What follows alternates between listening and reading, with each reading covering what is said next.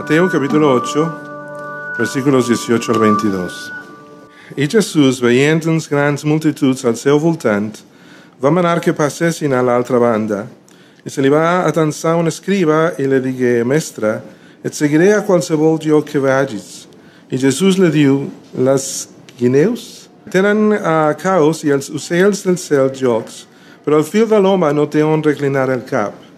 I un altre, que era deixable seu, li digué, Senyor, deixa'm que primer vagi a enterrar el meu pare. Però Jesús li digué, segueix-me, deixa que els morts enterrin els seus morts. Hola i benvingut al podcast de Ciutat Nova, una església protestant al barri 22 arroba de Barcelona.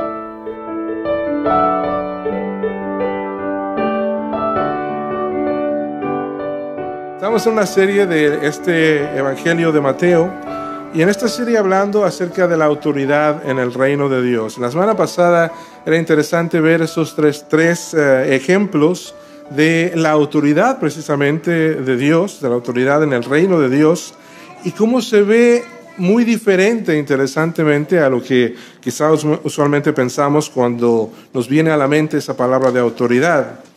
Porque como veíamos era una autoridad para restaurar. Ah, habíamos visto la semana pasada un leproso que eh, nos hablaba cómo era alguien fuera de este círculo aceptable socialmente en, esa, en esa sociedad. En segundo lugar, de este oficial romano, prácticamente un enemigo de ellos. Y en tercer lugar, la suegra de Pedro, alguien cercano al círculo de, del Señor. Pero también vemos que había otros que eran afligidos por enfermedades y que eran traídos delante de la presencia del Señor. Interesante una vez más, autoridad, pero autoridad para restaurar, para sanar. Y Mateo 8, 17, todavía entonces, y para recalcar un aspecto todavía más importante de este, de este ministerio de la restauración, Mateo 8, 17 dice que para esto lo hizo para que se cumpliese lo dicho por el profeta Isaías, que cuando dijo, Él mismo tomó nuestras enfermedades y llevó nuestras dolencias. Autoridad para sanar, autoridad para restaurar y autoridad para salvar todavía más, autoridad para salvar, llevando, como dice el versículo, nuestras culpas, muriendo en la cruz del Calvario uh, por nosotros y en nuestro, y en nuestro lugar.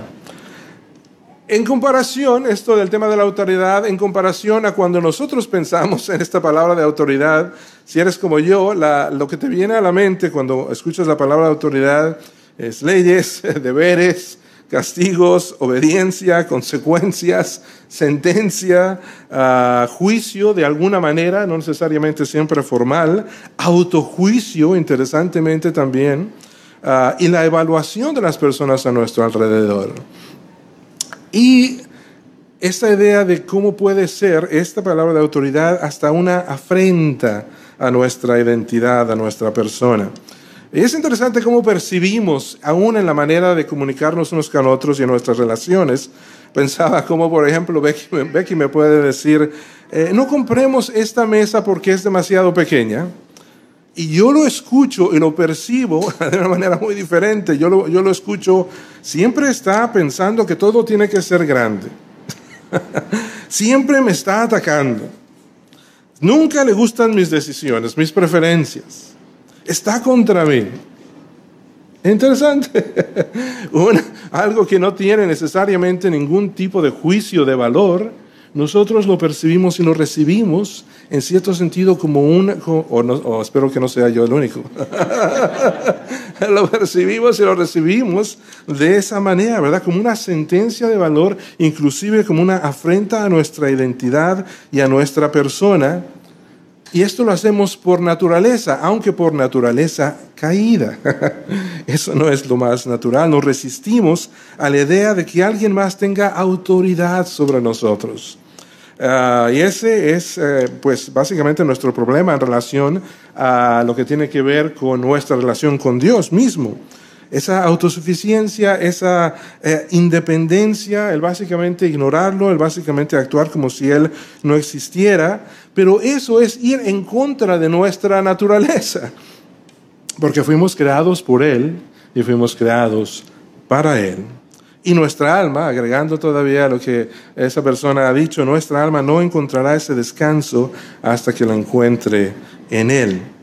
Así que el pasaje del día de hoy refleja este tema de autoridad, ah, pero quizá un poquito diferente a como lo hemos pensado o como quizá lo pudiéramos recibir, aunque sí hay cosas que nos suenan fuertes a nuestros oídos contemporáneos.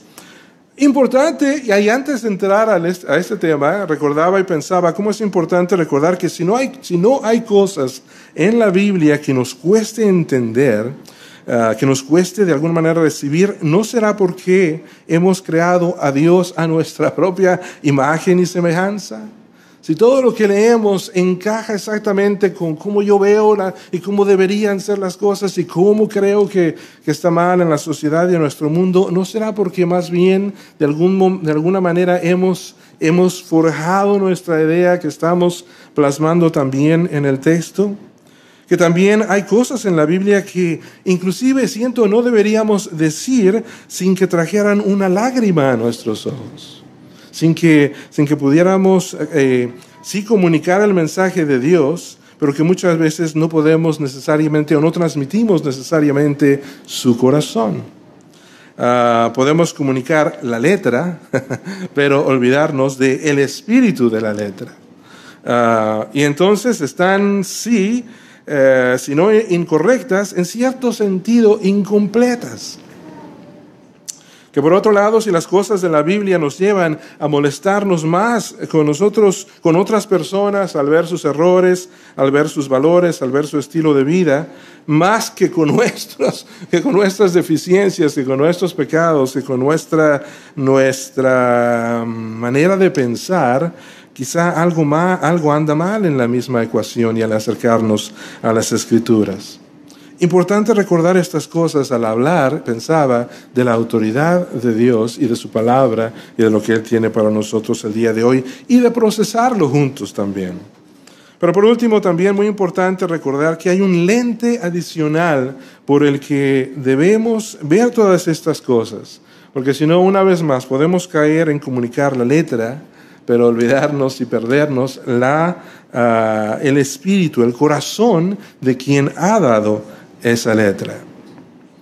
Por eso el día de hoy, en estos ah, minutos que tenemos juntos, hermanos, vemos tres personas, algunas de estas frases que hablan acerca de la autoridad y que comunican ciertos principios y verdades espirituales, y en lo que tiene que ver con el costo de seguir a Jesús, Ah, y al final haremos una conclusión quizá un tanto inesperada.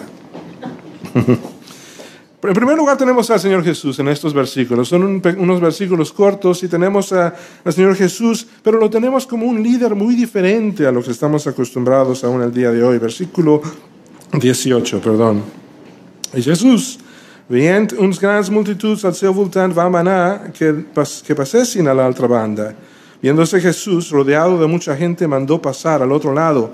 Jesús, como un líder espiritual diferente, cuando la multitud crece, Él se aleja, Él desaparece. Y eso es tan, tan opuesto a los valores de nuestro mundo, especialmente hoy en día. Ah, no, no, no, venía a liberar a su pueblo y era, y era bueno que tuviera el apoyo de toda, de toda su nación. ¿No venía a liberarnos de la opresión de los romanos? Bueno, sí, pero de la opresión espiritual principalmente. ¿No venía a restablecer su reino o a establecer su reino? Bueno, sí, pero de una manera y con valores muy diferentes, inclusive de cabeza. Y aún ahí yo, yo, veo una lección muy importante para mí para recordar el día de hoy. ¿Qué tal si la salvación de Dios la solución de Dios para nuestros problemas es muy diferente a como no las, no las imaginamos. Tenemos expectativas muy diferentes de Jesús. Quizá acudimos a Él como a un consejero, como a un amigo, como a un motivador, como a un acompañante, pero no necesariamente como a un salvador. No necesariamente como la solución o la única solución para nuestro problema mayor. Después de todo, ah, la, solución de Dios fue o vino en un bebé, en un bebé en un pesebre. en un pequeño pueblo hace muchísimos años. ¿En serio? ¿Esa es la solución al problema mayor de la humanidad? Y así para nosotros podríamos decir que no será que muchas veces la salvación de Dios viene también de muchas maneras diferentes. ¿Qué tal si en las circunstancias más difíciles de nuestra vida es cuando Dios está haciendo una obra más profunda? Es cuando más está mostrando su gracia para con nosotros. Es cuando más tenemos su atención de alguna manera ah, y para completar esa buena obra que comenzó, que comenzó. ¿Qué tal si ahora mismo inclusive esa mezcla de circunstancias, de frustraciones, de crisis, son la fórmula perfecta para nuestra necesidad? Son la medicina que necesitamos en este mismo momento y para las luchas ah, que podemos estar enfrentando para nuestra restauración, para nuestra necesidad, para la obra que Él está haciendo en nosotros. En el momento duele, en el momento no se siente como una solución, en el momento no necesariamente la entendemos de esa manera, pero el Mesías y el reino de Dios prometido eran muy diferentes para ellos y para nosotros. En un mundo, en comparación a un mundo donde se busca hacer impacto, donde se busca crear plataformas, donde se busca encontrar la tribu, promover las redes sociales, nada malo con eso. Hay que trabajar en favor de las cosas que son importantes en nuestra sociedad. Pero interesante, como en el reino de Dios y en la, y en la obra espiritual que Dios está haciendo en nuestras vidas se ve diferente de como Dios, de como, como lo vemos en el mundo el día de hoy. Eso por este personaje, Jesús, que encontramos en estos versículos. En segundo lugar tenemos el escriba, versículos 19 y 20. El escriba dice, versículo 19, y se le va a un escriba y le dije, mestra, et seguiré a qualsevol yo que vayas. Y Jesús le dio las guineus, las guineus, guineus. Tenen caos y els ocells dels jocs, pero al fin del Oma, del, de Oma, del Oma no te reclinar el cap. Y vino un escriba y le dijo, Maestro, te seguiré a donde quiera que vayas. Jesús le dijo, las zorras tienen guaridas, las aves del cielo nidos, mas el Hijo del Hombre no tiene donde recostar su cabeza. Y creo que no debemos eh, eh, pasar a, este versículo sin conectarlo y ver la, y ver la relación eh, con, el, con el versículo anterior. ¿No? Ahora tenemos en este caso un escriba, ah, una persona con cierto cargo en la sociedad, con autoridad, con mucho respeto, pero que al ver las multitudes ah, y este nuevo líder apareciendo por ahí, no habrá tenido cierta curiosidad. Y no es que el poder muchas veces eh, pide más poder.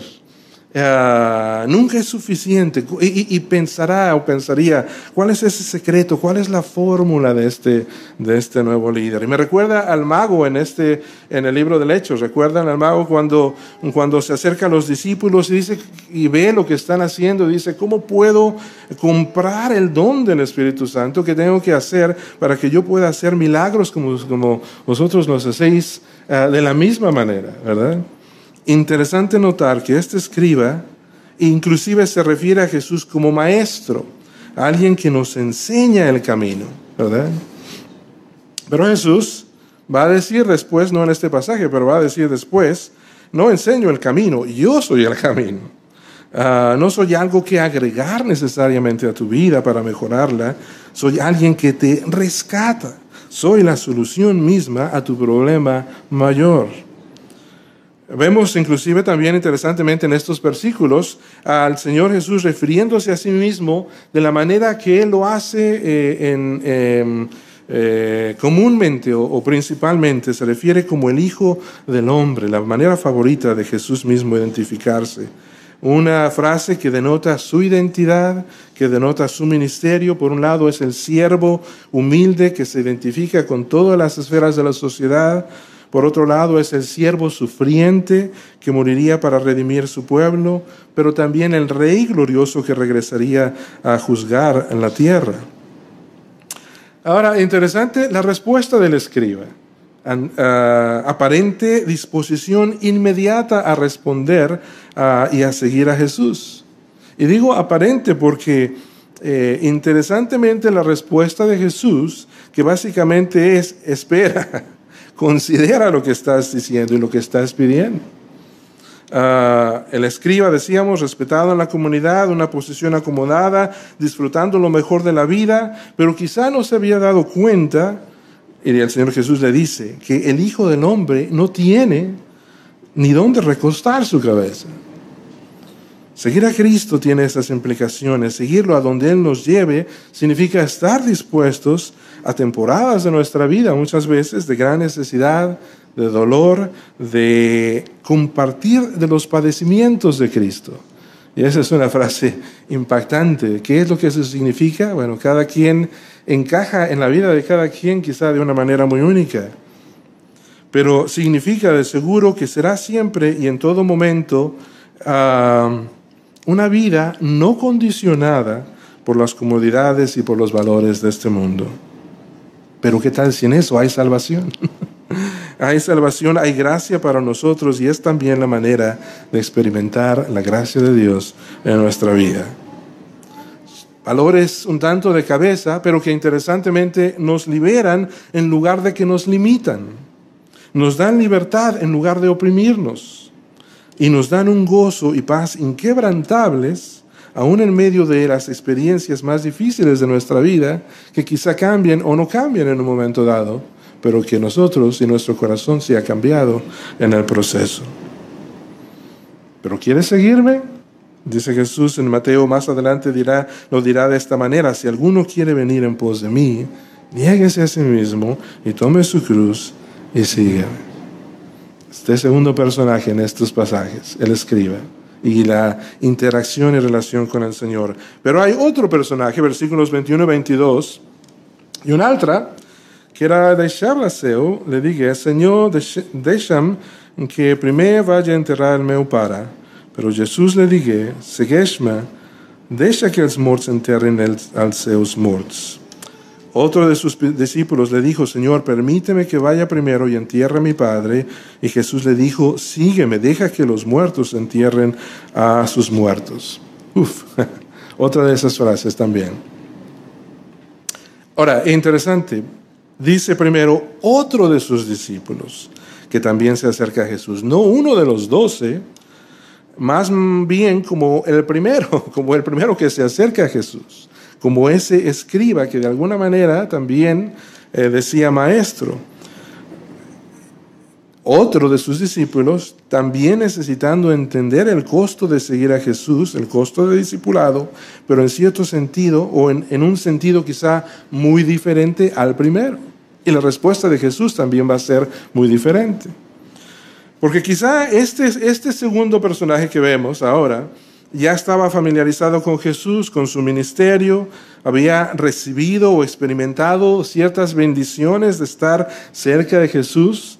Inclusive la última vez que prediqué, si recordáis, hablaba de hebreos y de personas que habiendo hasta probado o experimentado de, Jesús, de la comunidad de fe, como uno de esos, esas personas en la multitud de cinco mil que fueron alimentados milagrosamente por el Señor, aunque en realidad no habían puesto su fe, su confianza en Él, y que por eso dice el pasaje, no pueden perder lo que nunca en realidad tuvieron, es este tipo de persona este otro discípulo entonces le dice a Jesús, te seguiré, pero Señor, permíteme que vaya primero y entierre a mi padre.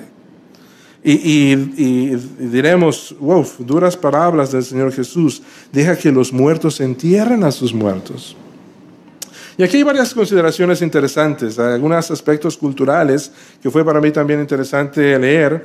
Eh, la manera de expresarse en estas lenguas semíticas eh, en la forma como él dice de deja que lo, deja, déjame primero ir y enterrar a mi padre, no necesariamente implicaba que estaba hablando de una situación en ese mismo momento, pero era una manera de referirse a un tiempo en el futuro todavía no tanto, todavía no seguro, por supuesto, si estaba todavía vivo, pero de, de posponer la decisión de seguirle otra vez, no que hubiera ya muerto, pero que en algún momento tendría que pasar y tendré que estar ahí, para, ayudar y estar ahí ah, para la familia. Y es cierto que en las culturas tanto la hebrea como la judía, el enterrar al padre era una responsabilidad y obligación del hijo mayor, aunque no necesariamente dice que era el hijo mayor, pero él está casi implicando esta realidad.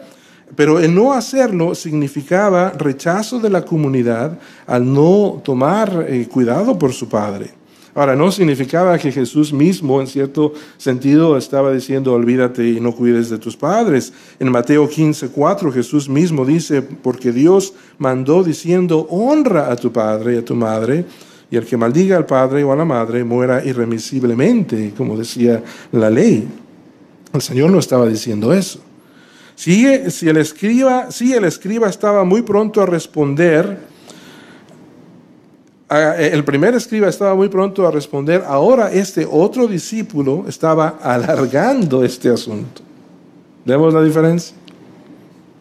Ah, la respuesta de Jesús, quizá más que una respuesta insensitiva y cruel, estaba más bien con este hombre y como siempre lo hace, apuntando al corazón del problema como un problema del corazón como cuando había dicho en Mateo 5, 29 y 30. Por tanto, si tu ojo derecho te es ocasión de caer, sácalo y échalo de ti, pues mejor te es que, se pierda uno de tus miembros y no que todo tu cuerpo. Así es que no le estaba diciendo eh, aquí, por ejemplo, que se sacara el ojo, que se cortara la mano, o en este caso que no enterrara a su padre, que no cuidara de él, pero sí estaba apuntando y diciendo qué es lo que guía tu vida. Es cierto que me llamas Señor, porque así es como este discípulo se dirige a Jesús. Pero Jesús va a decir también en Mateo 21 al 23, no todo el que me dice Señor, Señor entrará en el reino de los cielos, sino el que hace la voluntad de mi Padre que está en los cielos. El siguiente versículo de ese mismo pasaje interesantemente dice, cualquiera pues que me oye estas palabras y las hace, las, le compararé a un hombre prudente que edificó su casa sobre la roca. La pregunta más bien era, ¿en qué estás edificando tu vida? El siguiente versículo, también de ese capítulo de Mateo 7:28, dice que cuando terminó Jesús estas palabras, la gente se admiraba de su doctrina, y aquí está esta conexión, dice, porque les enseñaba como quien tiene autoridad, y no como los escribas. Autoridad para apuntar al corazón del problema, apuntar para revelar nuestro corazón, para revelar las cosas que lo atan Qué diferente a nuestro concepto necesariamente de autoridad, ¿no es cierto? Y antes de nuestra conclusión entonces, ¿cuál es la, pregunta? ¿Cuál es la autoridad de tu vida? ¿A qué te, te sometes? ¿A qué, eh, a, qué, nos rendimos de alguna manera? Y en cierto, y es interesante porque, claro, entramos en temas de dependencia, de autodeterminación y, luchamos con esta idea de la autoridad en nuestro intento por ser autosuficientes, por ser independientes. Y me venía a la mente una, una película, Vladi mencionaba la semana pasada de, de, de, los, de los superhéroes ¿no? y de los Avengers. Y me venía una, a la mente una escena de una película de, y de la realidad que, que, muestra tan solo esta escena de quizá algunas de estas cosas que estamos mencionando. Ah, es la película de Thor. Ah, es un momento cuando Loki, Loki, el, el malo de la película, ¿verdad? Se, se, pone enfrente a esta gran multitud y les dice, arrodillaos ante mí. Él no puede hacer con una mejor más, más voz de villano, pero les, les dice, arrodillaos ante mí, ahora mismo les dice. Y todos lo hacen con mucho miedo, ¿no?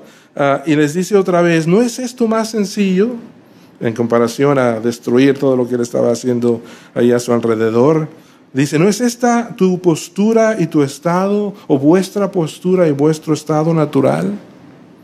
Dice, es la, la verdad no develada de la humanidad que tienes que ser, que tiene que, que, el hombre, que la humanidad tiene que ser subyugado, dice El anhelo eh, brillante, eh, ese anhelo por la libertad, dice, solamente disminuye tu gozo.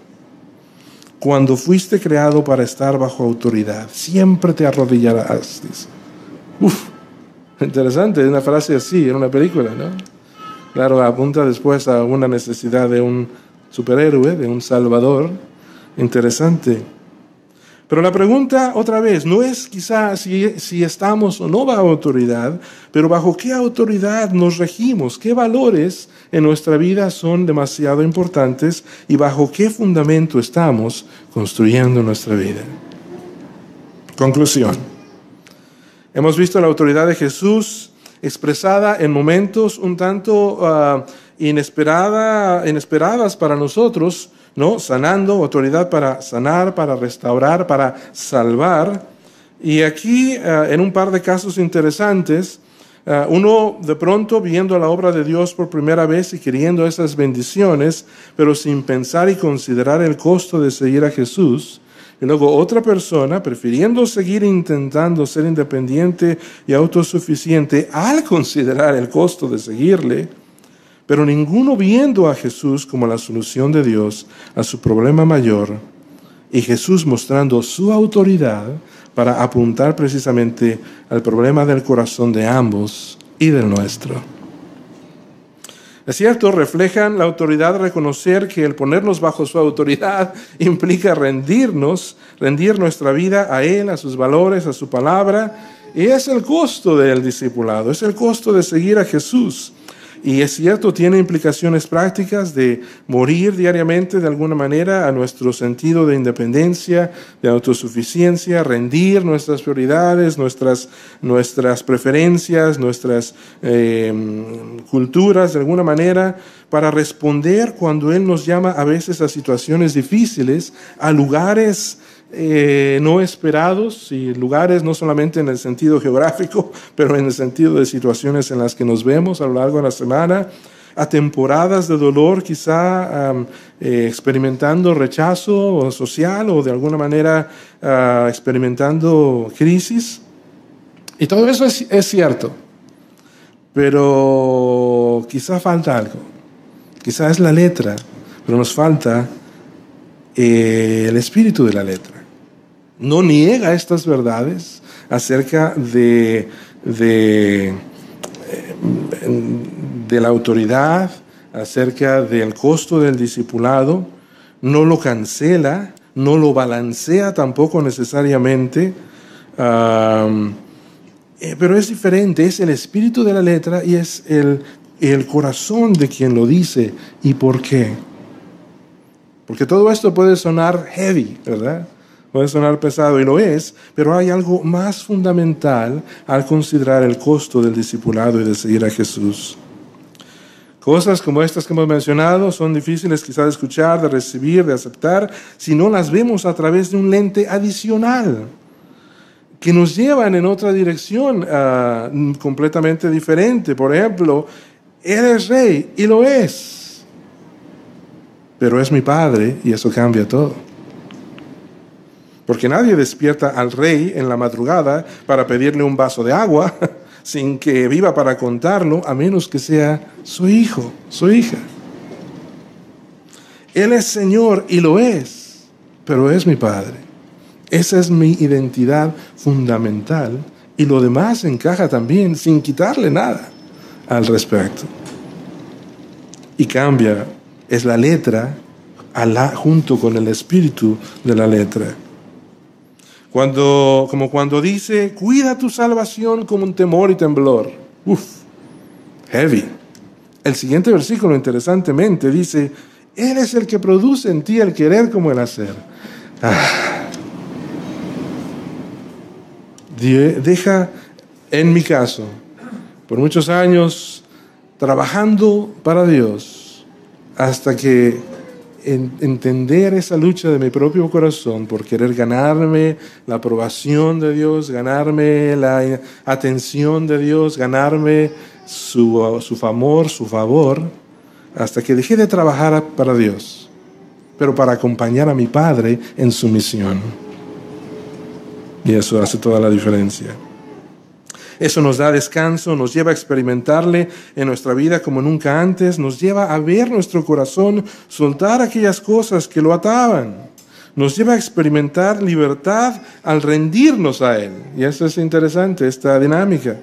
Experimentar un gozo, una paz uh, sobrenatural, evidente aún a los demás.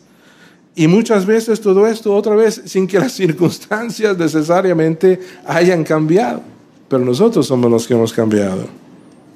Porque el costo mayor del discipulado ya ha sido pagado y ya ha sido llevado por alguien más. Buenas noticias.